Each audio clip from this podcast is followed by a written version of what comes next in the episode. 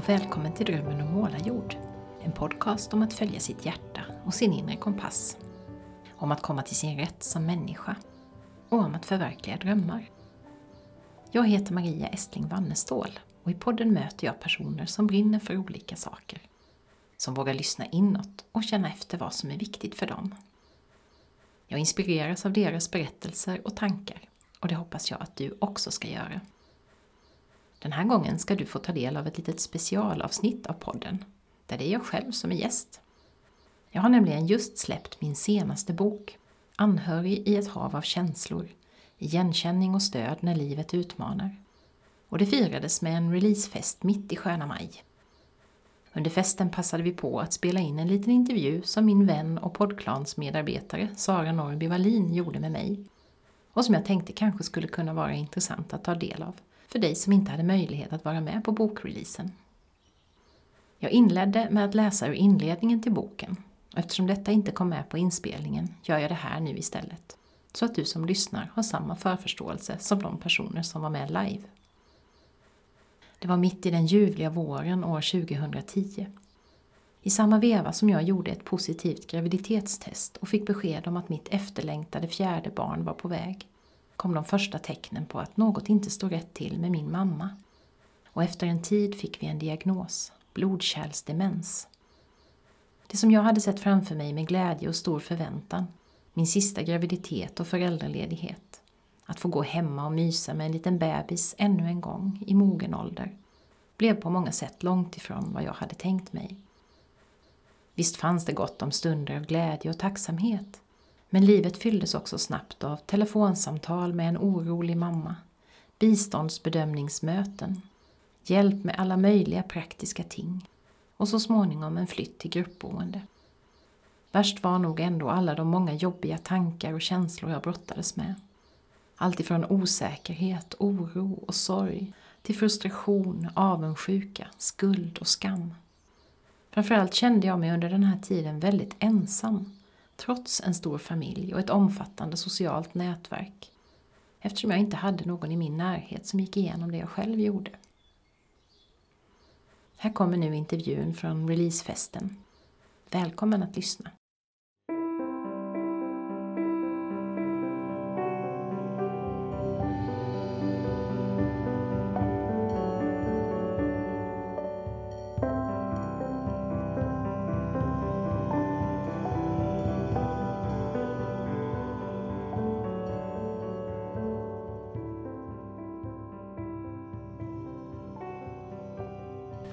Hej Maria!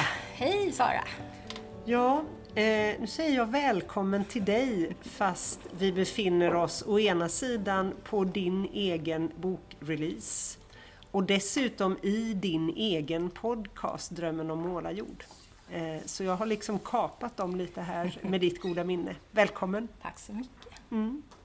Så för de som lyssnar i efterhand tänker jag bara att jag ska berätta lite vad vi ser här framför oss. Vi ser 35 någonting människor med lite olika grad av fukt i håret beroende på det lynniga Växjövädret i en stor fin lokal som heter Det fria ordets hus i Växjö. Där har du valt att förlägga din release. Mm. Ja, eh, och då tänker jag så här, eh, boken då, Anhörig i ett hav av känslor, det är den det kommer att handla om. Mm. Och din, eller er, er relation kanske man skulle kunna säga. Mm. Just det. Men om vi skulle börja med att du berättar lite kort om boken. Pitcha den lite som man säger Pitcha. nu för tiden. Mm. Ja men det är ju en bok som riktar sig till anhöriga som har det tufft i sitt anhörigskap, som står nära någon som är sjuk eller har en funktionsnedsättning eller så och som kanske känner sig ensam, för det är mycket det som som, jag, som gjorde att jag började skriva, det var ju att, man, att jag kände mig ensam som jag, som jag läste om här. Så att boken är ju till för egentligen att, ja, ge lite stöd, igenkänning för den som, som kämpar på och har det tufft. Eh, och kanske också ett och annat gott råd om vad man kan göra för att ta hand om sig. Det kanske vi återkommer till mm. senare möjligen. Mm. Det var kanske ingen jättebra pitch, jag är inte så bra på korta pitcher. Ja, men den var inte jättelång. Jag tycker den var helt, helt okej. Okay. Eller i alla fall, jag är inte heller någon stor vän av pitchar. Men eh, den var helt i sin ordning tycker jag. Men hur kom du in på detta? Varför började just du skriva om anhörigskap? Mm. Ja, men det var ju det där som hände då som jag läste, som är introduktionen till den här boken, att min mamma blev sjuk samtidigt som jag hade fullt upp med livet och mitt fjärde barn var på väg. Alltså det var mycket som hände. Jag jobbade jättemycket, jag jobbade ute på universitetet då. Eh, och hamnade i det där att försöka räcka till för alla. Och då kände jag ju att jag ville läsa. Jag har alltid tyckt att läsa berättelser om andra som är i liknande situation, det har hjälpt mig i många situationer. Eh, och jag letade efter böcker som beskrev det där, att vara där mitt i livet liksom och ha, vara klämd från båda håll. Barnen å ena sidan och föräldrar å andra sidan och försöka orka och finnas för alla. Eh, och det blev ju den här första romanen som jag skrev då som heter Lex Katarina. Eh, och den är inte en självbiografisk roman, den handlar inte om mig, men jag har hämtat väldigt mycket inspiration från mitt eget liv kan man säga till den. Och sen har det liksom bara rullat på, för sen blev det en bok till. Och då kom det att handla om anhörigskap i den också. Fast ett anhörigskap till barn som har det tufft. Och den boken är ja. då Kantstötta? Just det. Kantstötta porslinsugglors paradorkester. Jag skriver böcker med sådana här jättekorta, lätta titlar som ni märker. Och så har jag också då kommit att skriva en barnbok om eh, demens, att ha en dement, demenssjuk farfar i det här fallet. Lovis, ansjovis och glömskan. Så det var egentligen aldrig så att jag hade någon plan att jag skulle börja skriva om anhörigskap, utan det var väl det där, jag har alltid tyckt om att skriva, jag har alltid velat. Jag ville bli författare när jag var jätte, jätteliten. Och sen hände det saker som gjorde att jag kände att jag kunde skriva eh, ja, men det här att få skriva om saker som är jobbiga, det är säkert fler som har märkt att det kan man ha nytta av. Eh, och sen också tanken då att kanske kunna hjälpa någon annan som är i den situationen som jag själv var i. Så mm. därför, det var liksom så jag gled in. Och sen har jag, vi pratade om det häromdagen, vad är jag mest? Är jag mest författare eller är jag mest fru anhörigskap? För nu har det blivit väldigt mycket anhörigskap de senaste åren. Men det är egentligen skrivandet som är grunden i mig, tror jag. Fast det har kommit att handla om att vara anhörig på sistone. Mm. Men det innebär att du började ju skriva skönlitterärt om och anhörigskap blev en viktig del. Det är ju inte alltid de här böckerna Nej. vet jag eftersom jag har läst dem alla. Men eh, det fanns ändå med. Vad var det som gjorde att du liksom kände, nej men nu... Eh, man tänker sig att den formen är ju på ett sätt oändlig men du valde ändå att gå in mer mot jag vet inte om man ska säga fackbok om det är rätt ord. Stödbok men... kallar jag mm. det för att jag tycker inte det finns något riktigt bra, eh, någon riktigt bra genre egentligen för det jag har skrivit. Men, mm. ja, Just det. Och hur var det, vad var det som fick dig att välja att gå över till den formen om man mm. säger? Nej, men först tänkte jag, alltså jag, vet, jag var med i TV när jag hade släppt den här boken och då fick jag en fråga. Varför skrev du inte en självhjälpsbok om att vara anhörig? Och då tyckte jag, nej men det verkar ju onödigt. Jag ville så gärna bara berätta en historia. Eh, men sen insåg jag ju mer och mer att det här med att vara anhörig, det finns så mycket som liknar vartannat oavsett vad det handlar om. Så det var så jag stod på ett bibliotek i Halmstad och höll en föreläsning om den här boken och pratade om alla de där känslorna, havet av känslor. Och så insåg jag att amen, jag är ju där nu igen. Jag trodde att jag pratade om någonting som var för länge sedan. Men i själva verket så pratar jag om någonting jag befann mig i precis på samma sätt nu, fast nu handlade det om barn som hade det jobbigt och sådär. Så att jag har insett det mer och mer, att det finns så mycket som förenar oss som är anhöriga som står nära någon som har det jobbigt. Och det kan vara att man är förälder eller att man är barn till eller partner till. Och det kan handla om allt möjligt, olika sjukdomar och funktionsnedsättningar. Men det är väldigt mycket som liknar vartannat. Så det var det som liksom var ingången till att ja, men jag kanske ska skriva en bok där jag får ge röst åt många anhöriga av olika slag. Så att många kan läsa och känna igen sig någonstans. För läser man den här kanske man känner igen sig om man har en demenssjuk mamma. Men läser man den här boken så kanske man känner igen sig oavsett vem man är mm. i sitt anhörigskap. Så Just. tänkte jag. Så det var så jag kom in på det området kan man mm. säga. Så en av bokens ingredienser, om man tänker sig att den är en stor smarrig kaka eller ett smörgåsbord eller en maträtt eller vad du vill. En ingrediens är ju det här med många röster. Du har intervjuat hur många människor? Ja, drygt 30 30 anhöriga och sen några anhörigkonsulenter också, som Just. jobbar med eh, personer som har ett anhörigskap. Så att det är en del i boken. Eh, Det är dels en grund antar jag, men också något som syns i boken i form av citat. Och, och jag skulle misstänka av, av oss 35 som är här så vet jag i alla fall en som har blivit intervjuad och det är förmodligen flera. Eh, Men eh, vad finns det mer för liksom komponenter i boken som man möter om man läser den?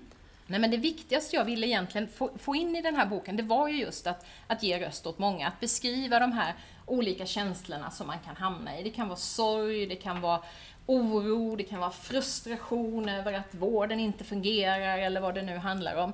Eh, så att det stora, tunga kapitlet, det handlar om, kan man säga, om känslorna.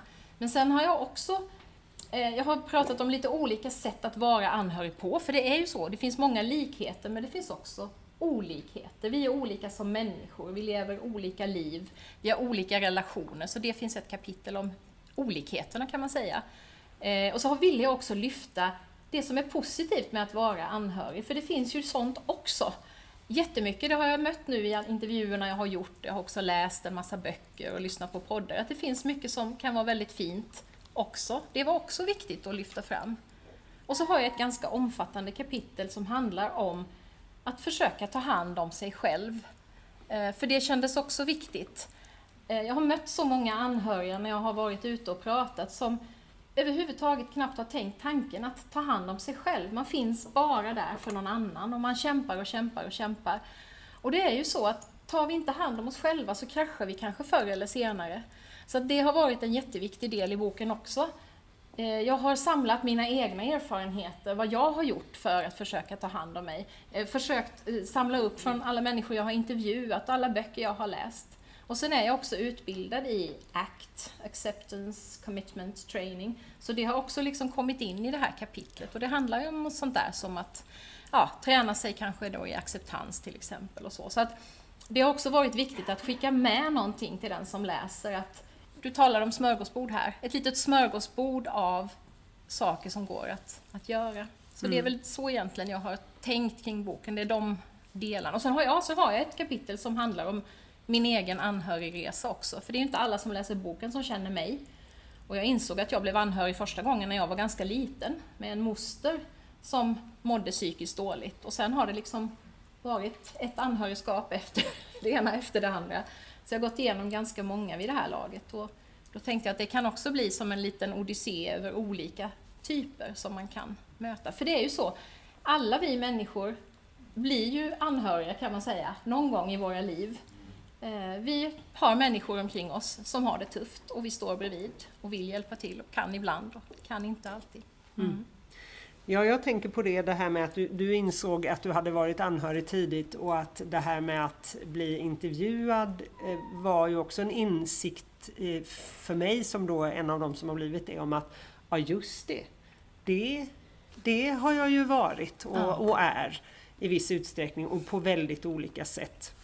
Och att bara det där med att er, sätta ord på något eller erkänna eller konstatera eller acceptera att ja, så är det eller så har det varit kan göra att man kan ändra lite syn på den Mm. erfarenheten oavsett om man är mitt i den eller just har eller för länge sedan har passerat den. Mm.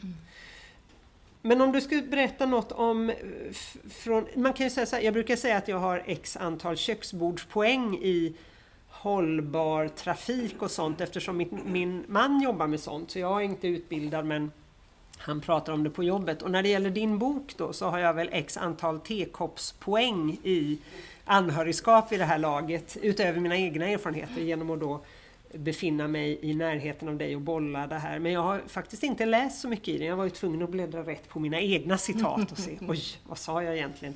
De jag hittade i alla fall.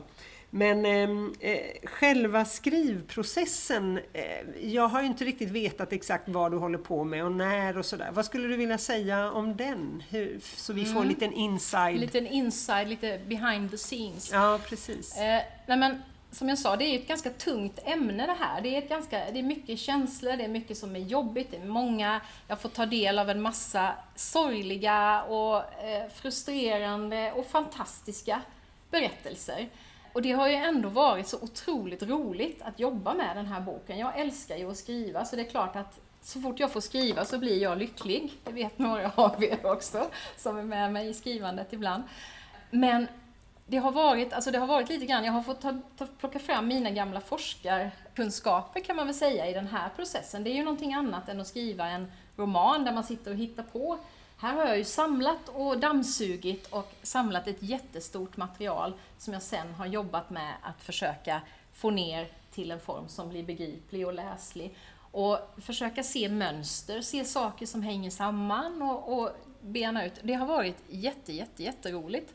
Så det har, började med att jag träffade ett antal människor och pratade, hade jättefina samtal, skratt och gråt och eh, ibland gick det åt många pappersnäsdukar och ja, det var jätte, jättefina möten.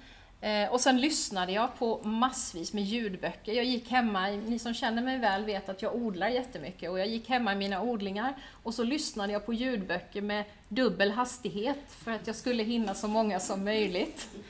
Och så läste jag, jag hade en bok vid sängen, en bok på toaletten, en bok i bilen och så läste jag. Så att jag tror att jag plöjde 80 böcker eller något sånt där den sommaren. Eh, 2020. Det var ju lite corona, ni vet, man hade ändå ingenting att göra så man kan lika gärna läsa böcker och lyssna så. Så att det har varit ett stort researcharbete men väldigt roligt och sen har jag då suttit och, och jobbat igenom det här och försökt att ja, hitta mönster och, och presentera det på ett sätt så att det blir begripligt och förhoppningsvis intressant. Det vet ni, när man släpper en bok så är det jätteläskigt för det är ju ingen som har läst den än. Ah, tänk om alla tycker den är jättedålig. Eh, men jag tycker om den. Eh, och det är ju i alla fall en då. Så, så, det, är tur. så det har varit en väldigt spännande och rolig och intressant. Jag har lärt mig så otroligt mycket under den här processen. För jag har mött så många människor och ja, fått insikter om en massa olika saker. Olika typer av anhörigskap helt enkelt. Mm. Mm. Och jag tänker på det, för det är ju något som du har nämnt flera gånger när vi har pratat om just det här med det här mastodontiska materialet som jag kan få så här, uh, jag vet inte, krypningar av att tänka på. Eh, men där du ju också har sagt att du har haft nytta av din bakgrund som mm. forskare i engelska och jag vet att din handledare sitter här i eh, från där. din avhandling och så. Så egentligen är alltihop din förtjänst Precis. så det är intressant hur många olika komponenter kan ja. Eh, kombineras och också det här både med det här eh, struktur och fyrkantiga och liksom lägga saker i olika högar så att säga av citat och kunskap och sen samtidigt det här med väldigt mycket hjärta och känsla. Mm. Eh, ja, det handlar om. just det. Och det tänkte jag också. Jag har ju också i boken vävt in de här tre böckerna. Så det finns ett antal citat som är skönlitterära då från mina egna böcker plus andra eh, romaner och barnböcker och sånt som jag har, som jag har läst. Så att det varvas ju, det är därför det är svårt att säga att det är en specifik genre, därför att det är, det är lite gränsöverskridande så. Du var inne på det, vad, den här, eh, vad det, har, det här arbetet har gett dig personligen, att du har lärt dig jättemycket. Jag är lite nyfiken på om man får några biverkningar av att gå en hel sommar och lyssna på böcker på dubbel hastighet. Men det är inte yeah. så att jag har märkt något särskilt så. Men... Förutom att jag trodde att jag hade fått Alzheimer den sommaren. Det kan ju ha berott på det möjligen. Att, att jag liksom... överstimulerade min hjärna så den blev helt uttröttad. Ja, det kan man tänka sig. Men om vi bortser från det, den tillfälliga förvirringen, lärt sig jättemycket. Är det något annat du skulle säga att du har fått med dig personligen? Som du, och då tänker jag specifikt på den här boken då, mm. den här anhörigboken vi pratar om nu, till skillnad från de andra. Har det, är det något särskilt som den har gett? Alltså det är klart att när man, när man jobbar med ett ämne så här mycket så blir det ju också, på något sätt blir det ju terapi för mig att skriva. Det har det ju varit i de andra böckerna också på sätt och vis, men det blir kanske ännu mer så när jag verkligen sätter ord på lite ännu mer tydligt kanske mm. Eh, i den boken än vad jag gjorde i romanerna på vad jag själv har gått igenom och, och liksom har använt och skrivit om det. Så att det har varit terapeutiskt och sen, ja, det har nog varit en, en sån eh, ja, men läkande effekt tror jag att, för mig att skriva. Jag, jag, tror ju jättemycket på det, att, att skriva är ett sätt att, att läka, att ta hand om saker som är jobbiga och så. Eh, att bearbeta dem helt enkelt. Så att det tror jag har varit en, om det är en bieffekt eller en huvudeffekt, det vet man aldrig förrän efteråt. Men mm. jag tror att jag, och jag har lärt mig mycket om mig själv. Fått syn på saker som jag nog inte hade riktigt koll på innan. Tror jag. Mm. Och nu är vi då här, Fria Ordets hus i Växjö och ska fira detta och lyssnar du på podden så går det bra att hälla upp något gott och fira lite, plocka fram lite jordnötter eller salta pinnar eller vad man nu tänker sig att det ska finnas på en release och fira där också. Men vad tänker du, vad är nästa steg? Vart, vart ska dansen mellan Maria och anhörig i ett hav av känslor ta vägen härnäst? Ja du, nu är det ju först och främst att, att få ut boken till så många som möjligt. Det är alltid svårt och det, det är ju alltid, eh, känns ju viktigt när man har lagt mycket tid och energi på någonting så vill man ju att det ska nå ut till dem som, som verkligen behöver den. Eh, men sen tänker jag att jag vill, det har ju varit pandemi nu så jag har ju varit ute jättelite och föreläst. Annars är jag ju ute och pratar mycket eh, för kommuners anhörigstöd och ja, anhörigföreningar och bibliotek och sådär. Det har varit helt nästan helt dött i två år. Så det är ju någonting jag längtar efter nu, att, att få, få ut och möta människor och prata om det här. Jag ska hålla en, en anhörigcirkel digitalt eh, till hösten. Då kommer jag möta ännu fler anhöriga som jag kan prata med och det, det känns ju fint att kunna dela med mig av det jag har lärt mig nu eh, mm. under processen med den här boken. Och sen får vi se. Sen, sen tänker jag ju att jag ska inte jobba med det här kanske temat i all evinnerlighet. Jag har ju massa andra saker också. Jag vill, eller håller på att skriva en fortsättning på mina romaner och sådär. Så att det kommer vara mycket annat också. Men, eh, men anhörigskapet tror jag kommer finnas kvar. Alltså själva anhörigskapet finns ju kvar i mig. Mm. Men eh, också det här med att jobba med det eh, i skrivande och samtal och, och så. Mm. Det är nog en dans som, som kommer fortsätta ett tag till, tror jag. Mm. Du var inne på det, vad du, vad du förmedlar i boken lite när du pratar om de olika delarna och beståndsdelarna och delarna av boken. Men om det, eh, bara så vi inte missar att få med oss någon viktig, liksom, vad är det viktigaste Maria vill säga till oss och till världen med den här boken? Vad vill du förmedla? Ja, men det är nog jättemycket att du är inte ensam. Det finns så många som brottas med liknande saker, med tankar och känslor och upplevelser. Det finns över 1,3 miljoner människor i Sverige och då är det bara de som verkligen vårdar eller stöttar eller så. Det finns ju också en massa andra som påverkas av anhörigskap. Så att, de där tankarna man går och bär på, att, att det är okej att känna som man känner, det är väl ett medskick som jag jättegärna vill göra i den här boken. Eh, och förmedla liksom att det är okej okay att ha de där tankarna och känslorna. Och det är okej okay att möta dem. Sen orkar man inte alltid det. Ibland måste man liksom stänga av. Men eh, för att kunna leva, det är ju något som både du och jag jobbar med Sara, det här med att kunna leva liksom ett bra liv oavsett egentligen hur, hur det ser ut rent, ja, om man tänker yttre omständigheter eller vilken situation man lever i, men att ändå ja, kunna ha ett bra liv i det. Så att få lov att känna de här känslorna och det där med att ta hand om sig och försöka skapa. Jag, jag läste en bok medan jag jobbade med den här boken som heter När livet slår till akt i svåra stunder och den har precis den där tesen att livet är jättetufft för oss alla emellanåt. Det går i perioder. Men det går att ha ett bra liv även när det är svårt och vi kan hitta sätt att ta hand om oss och, och må bättre. Och då tycker jag vi ska försöka ta chansen att göra det. Sen är det mycket som behöver förändras, det vet nog alla också, att det finns mycket att förändra på systemnivå. Men det finns någonting som alla kan göra ändå. Så det är väl mina med, viktigaste medskick tror jag. Mm. Tack så mycket och tack för att du har tagit dig tiden att göra detta otroliga arbete. Jag ser jättemycket fram emot att verkligen få lusläsa den här från perm till perm. Men jag tänker ändå att jag vill, utan att ha gjort det då, ska jag verkligen villigt erkänna, men som sagt, antalet tekoppspoäng är ganska omfattande vid det här laget så känner jag nog ändå att jag, jag har någon slags feeling för den här boken. Och då tänkte jag bara att jag ville ge tillbaka till dig två tankar och det eh, hoppas jag att andra kommer att göra också, både före och efter de har läst boken, sina tankar. Det här är mina före-tankar. Eh, det ena är, du, du, jag tycker det är en väldigt bra eh, benämning det här med att kalla det för en stödbok. Eh, inte, självhjälpsbok är ju dels väldigt besmittat och sen det, det, här, det sista där handlar om är väl att klara sig helt själv, uppfattar jag det som. Men stödbok tycker jag är ett väldigt bra ord. Men sen när jag gick och funderade så kom jag på, ja men frågan är om det inte också är ett bokstöd. Ja. Det vill säga att det är en sån där bok som ska stå hemma i bokhyllan redan från början, gärna som stöd för andra böcker. För när man väl behöver den, då, är det, då har man kanske inte sinnesnärvaro att ens komma på det, utan den ska vara där som ett bokstöd från början. Det var det ena jag tänkte på innan och sen när vi kom, jag kom hit och vi satt här och jag ser ju nu eh, framsidan på Lex Katarina boken och där finns ju då ett par bläckfiskarmar stiliserade och det är ju en bild du använder om den här bläckfiskpersonen mm, som ska sköta allt med alla sina armar.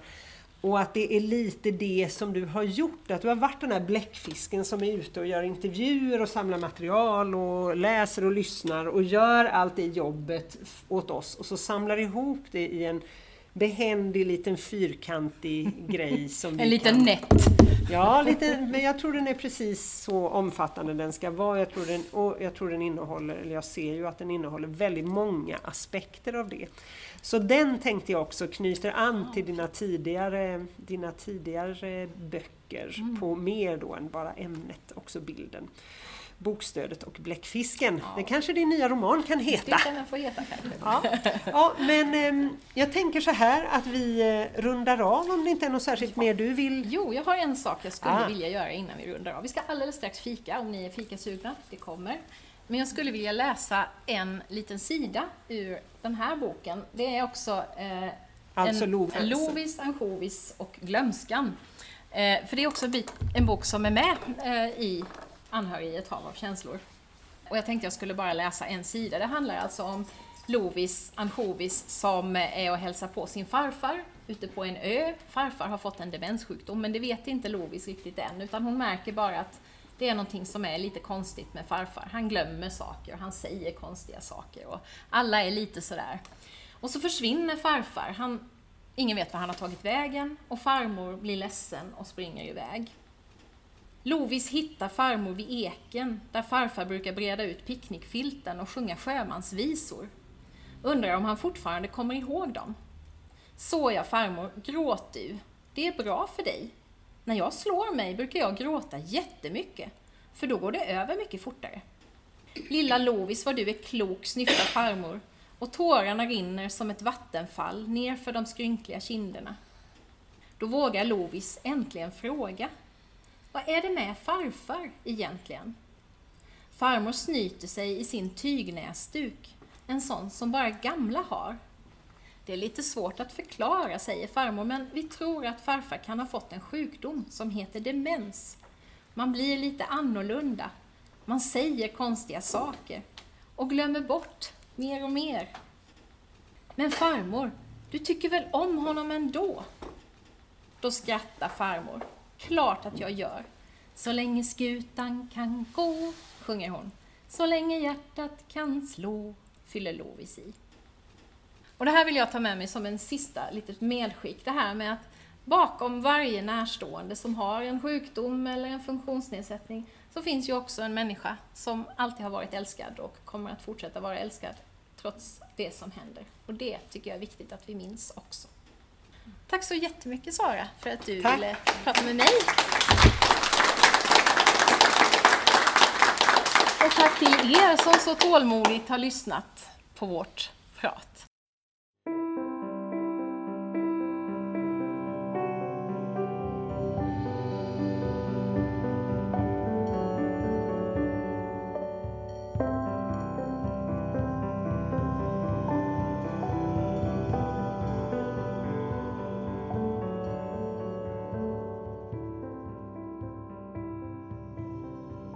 Så är alltså boken utsläppt i världen. När jag spelar in det här lilla kringsnacket befinner jag mig på Öland för min årliga skrivbubbla där jag pausar från allt hemmavid och bara skriver. Här jobbar jag med två nya böcker. Dels den tredje romanen i trilogin om Katarina. Dels en bok om det som hela den här podden handlar om. Att följa sitt hjärta och sin inre kompass. Just nu har jag alltså tagit en liten välbehövlig paus från arbetet med anhörigboken men när jag kommer hem igen ska jag göra allt jag kan för att boken ska nå ut till så många som möjligt som kan ha glädje av den. Dels anhöriga själva, dels personer som möter anhöriga i sitt arbete eller sitt ideella engagemang. Och många, många befinner sig i båda situationerna samtidigt. Eftersom mitt förlag är litet och inte har någon maffig marknadsföringsbudget är jag helt beroende av hjälp med att sprida ordet. Och där tänkte jag be dig som lyssnar att hjälpa mig om du har lust och möjlighet. Du kan exempelvis tipsa någon du känner som du tror skulle ha glädje av boken, privat, professionellt eller ideellt. Be ditt lokala bibliotek att köpa in boken. Berätta om boken i sociala medier. Tipsa en verksamhet du har kontakt med där man möter anhöriga, till exempel ett vårdboende, en vårdcentral, BUP eller liknande om att boken finns. Tipsa någon du känner som jobbar på en tidning, inom radio eller TV om att jag gärna berättar om boken och mina egna anhörigerfarenheter. Starta en studiecirkel med boken som utgångspunkt. Det finns frågor för reflektion och samtal efter varje kapitel. Kontakta ett studieförbund där du bor om du behöver hjälp. Tipsa ett bibliotek, anhörigstödet i din kommun, ett studieförbund, en kyrka, en utbildningsanordnare eller något annat lämpligt sammanhang om att jag gärna kommer och föreläser om boken och mina egna anhörigerfarenheter. Du får förstås också gärna köpa ett ex av boken till dig själv eller någon du bryr dig om i nätbokhandeln eller om du vill ha den signerad genom ett PM eller mejl till maria inrekompass.nu. Köper du den direkt av mig kostar den 249 kronor plus eventuell frakt. All den här informationen finns också i ett inlägg på Facebook som du hittar om du söker på mitt namn tillsammans med bokens baksidestexter och bilder ifall du skulle vilja hämta något där. Jag är oändligt tacksam för all hjälp jag kan få. Nu när boken är färdig ska jag också komma igång mer med podden igen och jag har flera spännande gäster på gång. Dels i form av vanliga intervjuer, dels i den nya serien Kompassen pekar mot som framöver bland annat kommer att handla om polyamorösa relationer och att välja ett liv utan alkohol. Mycket intressant att se fram emot där. Tack för att du har lyssnat idag och varmt välkommen tillbaka.